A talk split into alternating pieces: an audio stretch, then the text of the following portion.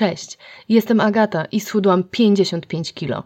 Chciałabym pokazać Ci, że zmniejszenie żołądka to nie droga na skróty, a zmiana na całe życie.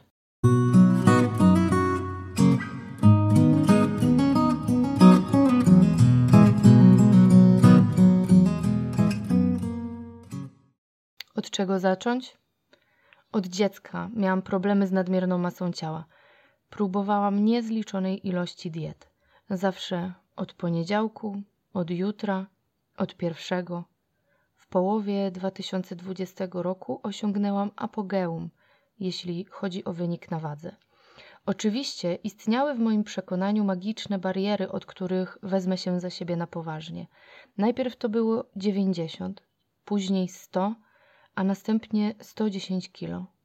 Ta granica wiecznie się przesuwała, bo przecież nadal mogę się poruszać, jestem w stanie sama sobie ze wszystkim poradzić, mam całkiem dobre wyniki, ale w pewnym momencie osiągnęłam mistyczne dno. Wtedy zauważyłam 112 kilo. Zaczęłam poważnie myśleć o tym, żeby coś z tym zrobić, tylko przez pewien czas na samym myśleniu się kończyło. No bo jak tu magicznie pozbyć się dodatkowych kilogramów, najlepiej bez wysiłku, zrezygnować z ziemniaków, przejść na keto? A może to gluten sprawia, że moje uda przyciągają cząsteczki tłuszczu z powietrza? Gdzieś po drodze zaczęły wypływać osoby medialne, które zmieniły swoje życie i sylwetkę dzięki zmniejszeniu żołądka. Myślałam, że operacja bariatryczna to fanaberia w zasięgu finansowym tylko tych, których na to stać. Jednak okazało się, że BMI powyżej 40 lub powyżej 35 w przypadku chorób współistniejących, takich jak przykład cukrzyca, to wskazanie do zabiegu na koszt NFZ. Otyłość jest chorobą i kryje się pod kodem E66 w międzynarodowej klasyfikacji chorób ICD-10. Moją historię mogłabym zacząć jak bajkę, ale kiedy ciężko zawiązać sznurówki, wejść na drugie piętro bez zadyszki, czy pójść na spacer z dzieckiem, to przestaje być bajką, a zaczyna jawić się jako horror. No więc pewnego dnia w śniadaniówce zobaczyłam rozmowę z chirurgiem bariatrycznym, który opowiadał o problemie otyłości w Polsce i możliwości chirurgicznego leczenia. Z całego wywiadu pamiętam niewiele więcej niż nazwisko tego człowieka, który ku mej uciesze pracuje w Warszawie. Postanowiłam spróbować się z nim umówić, ale nie miałam zbyt wielkich oczekiwań. W końcu miałam 29 lat. Byłam względnie zdrowa i raczej spodziewałam się odpowiedzi w stylu proszę spróbować schudnąć na własną rękę, bo do operacji jest pani za chuda. Znajome myśli? Oczywiście. Wielu specjalistów, którzy pracują z osobami dotkniętymi chorobą otyłościową, zgodzi się, że w swojej karierze słyszeli tego typu stwierdzenie, bo w naszym społeczeństwie nadal panuje przekonanie, że stopień otyłości, który kwalifikuje do zmniejszenia żołądka czy innych typów operacji bariatrycznych, to osoby, które nie są w stanie samodzielnie funkcjonować, na oddział szpitalny muszą jechać samochodem dostawczym, a z domu wyciąga je dźwig oraz cały zastęp strażaków. O ile pierwszy krok, czyli podjęcie decyzji o konsultacji był już za mną, to miałam problem z kolejnym. No bo jak ja mam się z tym konkretnym profesorem spotkać i nie płacić za konsultację, a już tym bardziej za operację? Miałam dużo problemów, żeby znaleźć informacje o tym, co należy zrobić najpierw. Okazało się, że pierwszą rzeczą jest otrzymanie skierowania od lekarza podstawowej opieki zdrowotnej, czyli popularnego lekarza rodzinnego. Takie skierowanie powinno być wypisane do poradni chirurgicznej z rozpoznaniem choroby E66. Dzięki pandemii pojawiły się teleporady i w ten sposób nie musiałam się pokazywać fizycznie interniście, potencjalnie oszczędzając kilka pogardliwych spojrzeń, bo takie były moje największe obawy na tamten moment. Przez długi czas dostawałam od lekarzy tylko puste teksty, że wagę należałoby zredukować. Zredukować. Na szczęście nigdy nie były one złośliwe. Nie zliczę, ile takich było na przestrzeni lat. Za każdym razem zgadzałam się z lekarzem, po czym szłam do domu i zjadałam kolejną tabliczkę czekolady. Po czym szłam do domu i zjadałam kolejną tabliczkę czekolady. Przecież ja wcale tak dużo nie jem i sporo się ruszam, a dodatkowe kilogramy przyciągam z powietrza. Dlatego nie był to łatwy moment.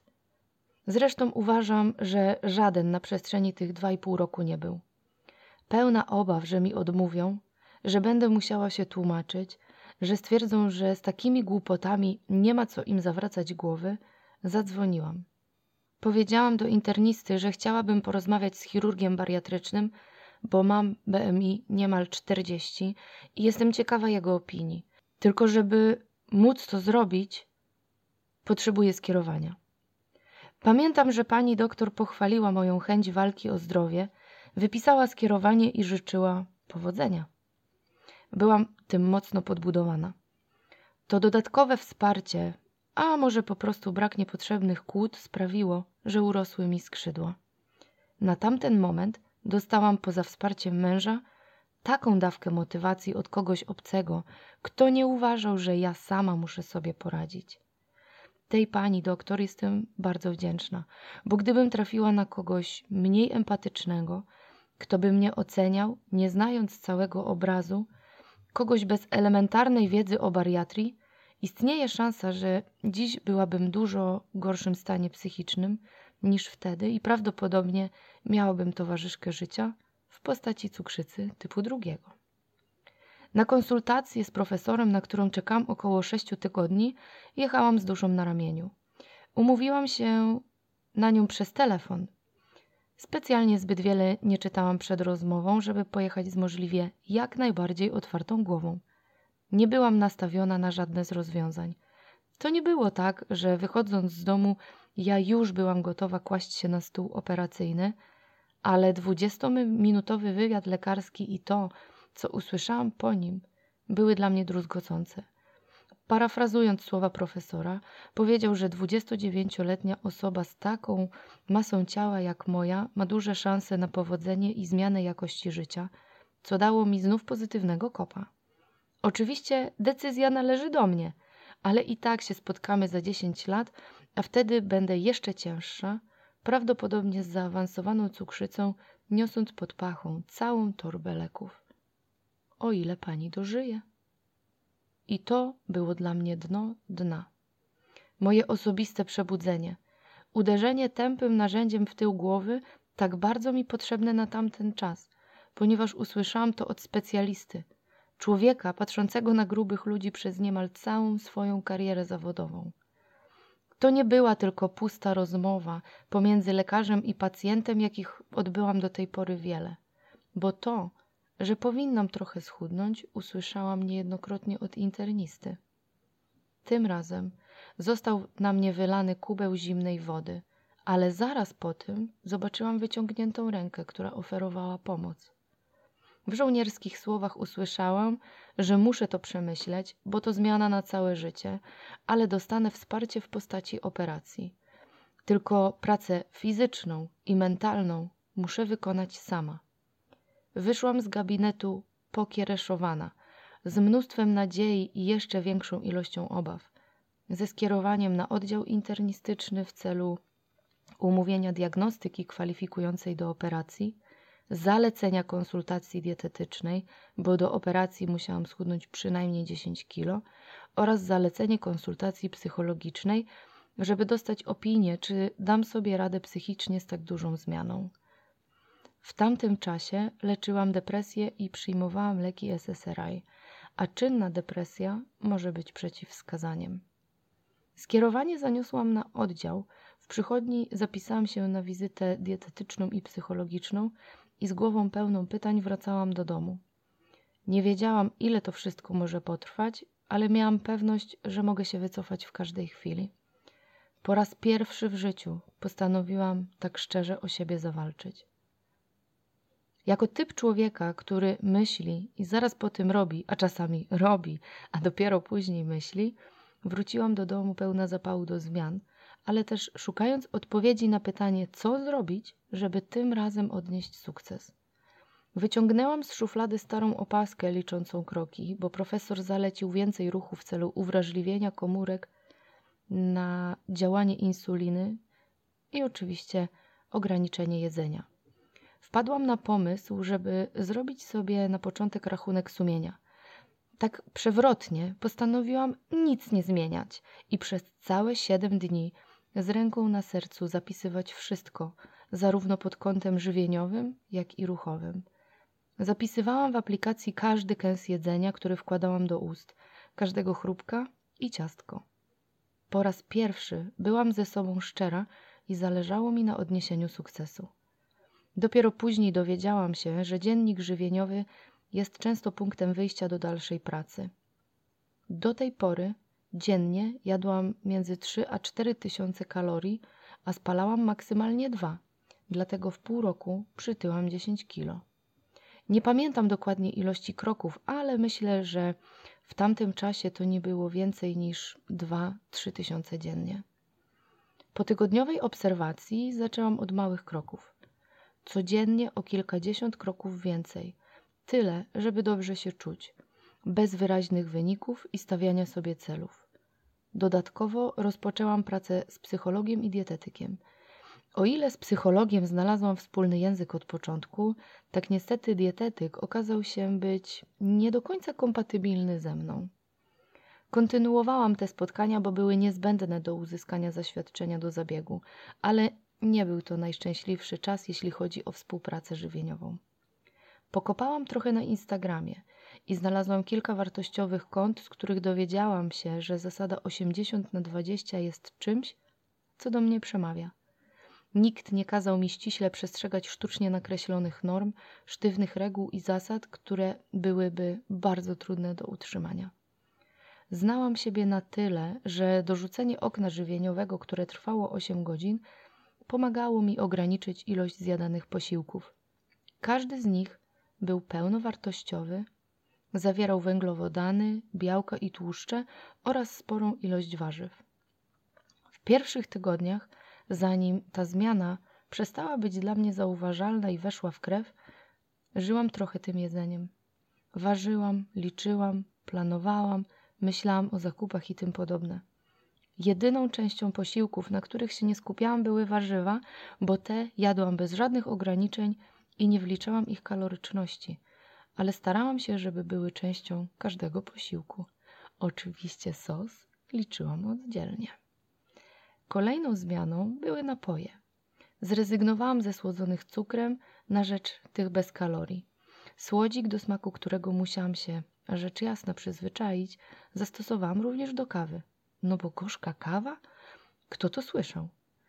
To był też moment, w którym trochę bardziej skupiłam się na etykietach gotowych produktów, wybierając te z dobrym składem. Już dużo wcześniej zrezygnowałam z alkoholu ze względu na przyjmowaną metforminę, i to akurat nie był dla mnie problem. Ale trzeba pamiętać, że niektóre drinki czy mocne alkohole w połączeniu z napojem mogą mieć bardzo dużo kalorii. W kwestii ruchu, jak już wcześniej wspomniałam, zwiększałam go stopniowo, ale brakowało mi motywacji, żeby po latach wstać z kanapy. To był moment, w którym na jednej z grup sąsiedzkich pojawiła się prośba o pomoc w wyprowadzaniu psa. Zobowiązałam się wyprowadzać go rano i w ciągu dnia i czułam się za to na tyle odpowiedzialna, że nawet nie zauważyłam, kiedy minęły dwa tygodnie moich codziennych wędrówek z tym kawalerem na czterech łapach. Jak przestałam się nim opiekować, przyszedł czas na różnego rodzaju misje. Postanowiłam pójść wieczorem po jedną cytrynę, a za cel obrać sklep, który był oddalony od domu o 20-30 minut na pieszo. W ten sposób dawałam sobie samej takie challenge, które pomagały mi osiągnąć założone cele. Podobno, jeśli się coś robi przez 21 dni, to po tym czasie zaczyna to wchodzić w krew i nasz mózg przestaje to zauważać. Staje się to elementem dnia. Dla mnie to były wieczorne wyprawy w poszukiwaniu drobnych artykułów spożywczych. Pierwsze efekty nie przyszły od razu, a zauważyłam je po dwóch miesiącach. Wyszło na to, że jestem w stanie dotrzeć na pieszo całkiem daleko i nie złapać zadyszki. Wchodzenie po schodach wybierałam odruchowo, mimo że na parterze stała winda.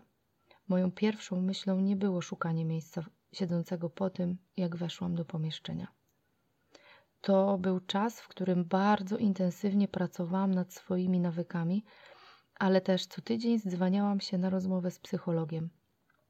Nie chwaliłam się za bardzo tym, że biorę pod uwagę możliwość przejścia operacji zmniejszenia żołądka, bo wśród społeczeństwa panuje takie krzywdzące przeświadczenie, że to droga na skróty, że zrobię sobie krzywdę, że będę żałować, a usunięty żołądek nie odrośnie, jak skrócone u fryzjera włosy. Dlatego postanowiłam mocno ograniczyć rozprzestrzenianie tej wiadomości i otulać się tylko pozytywną energią oraz grupą wsparcia, którą znalazłam w mediach społecznościowych. Okazało się, że warto pozostać w kontakcie z osobą, która jest na podobnym etapie w życiu. Też przygotowuje się do operacji i można się z nią dzielić obawami i przemyśleniami, bo jesteśmy tak zaprogramowani, że wspólne przeżycia łączą. O ludziach i emocjach, perturbacjach i sukcesach, które towarzyszyły mi aż do momentu zamknięcia oczu na sali operacyjnej, opowiem przy kolejnym spotkaniu. Dziękuję za dziś i do usłyszenia. Cześć!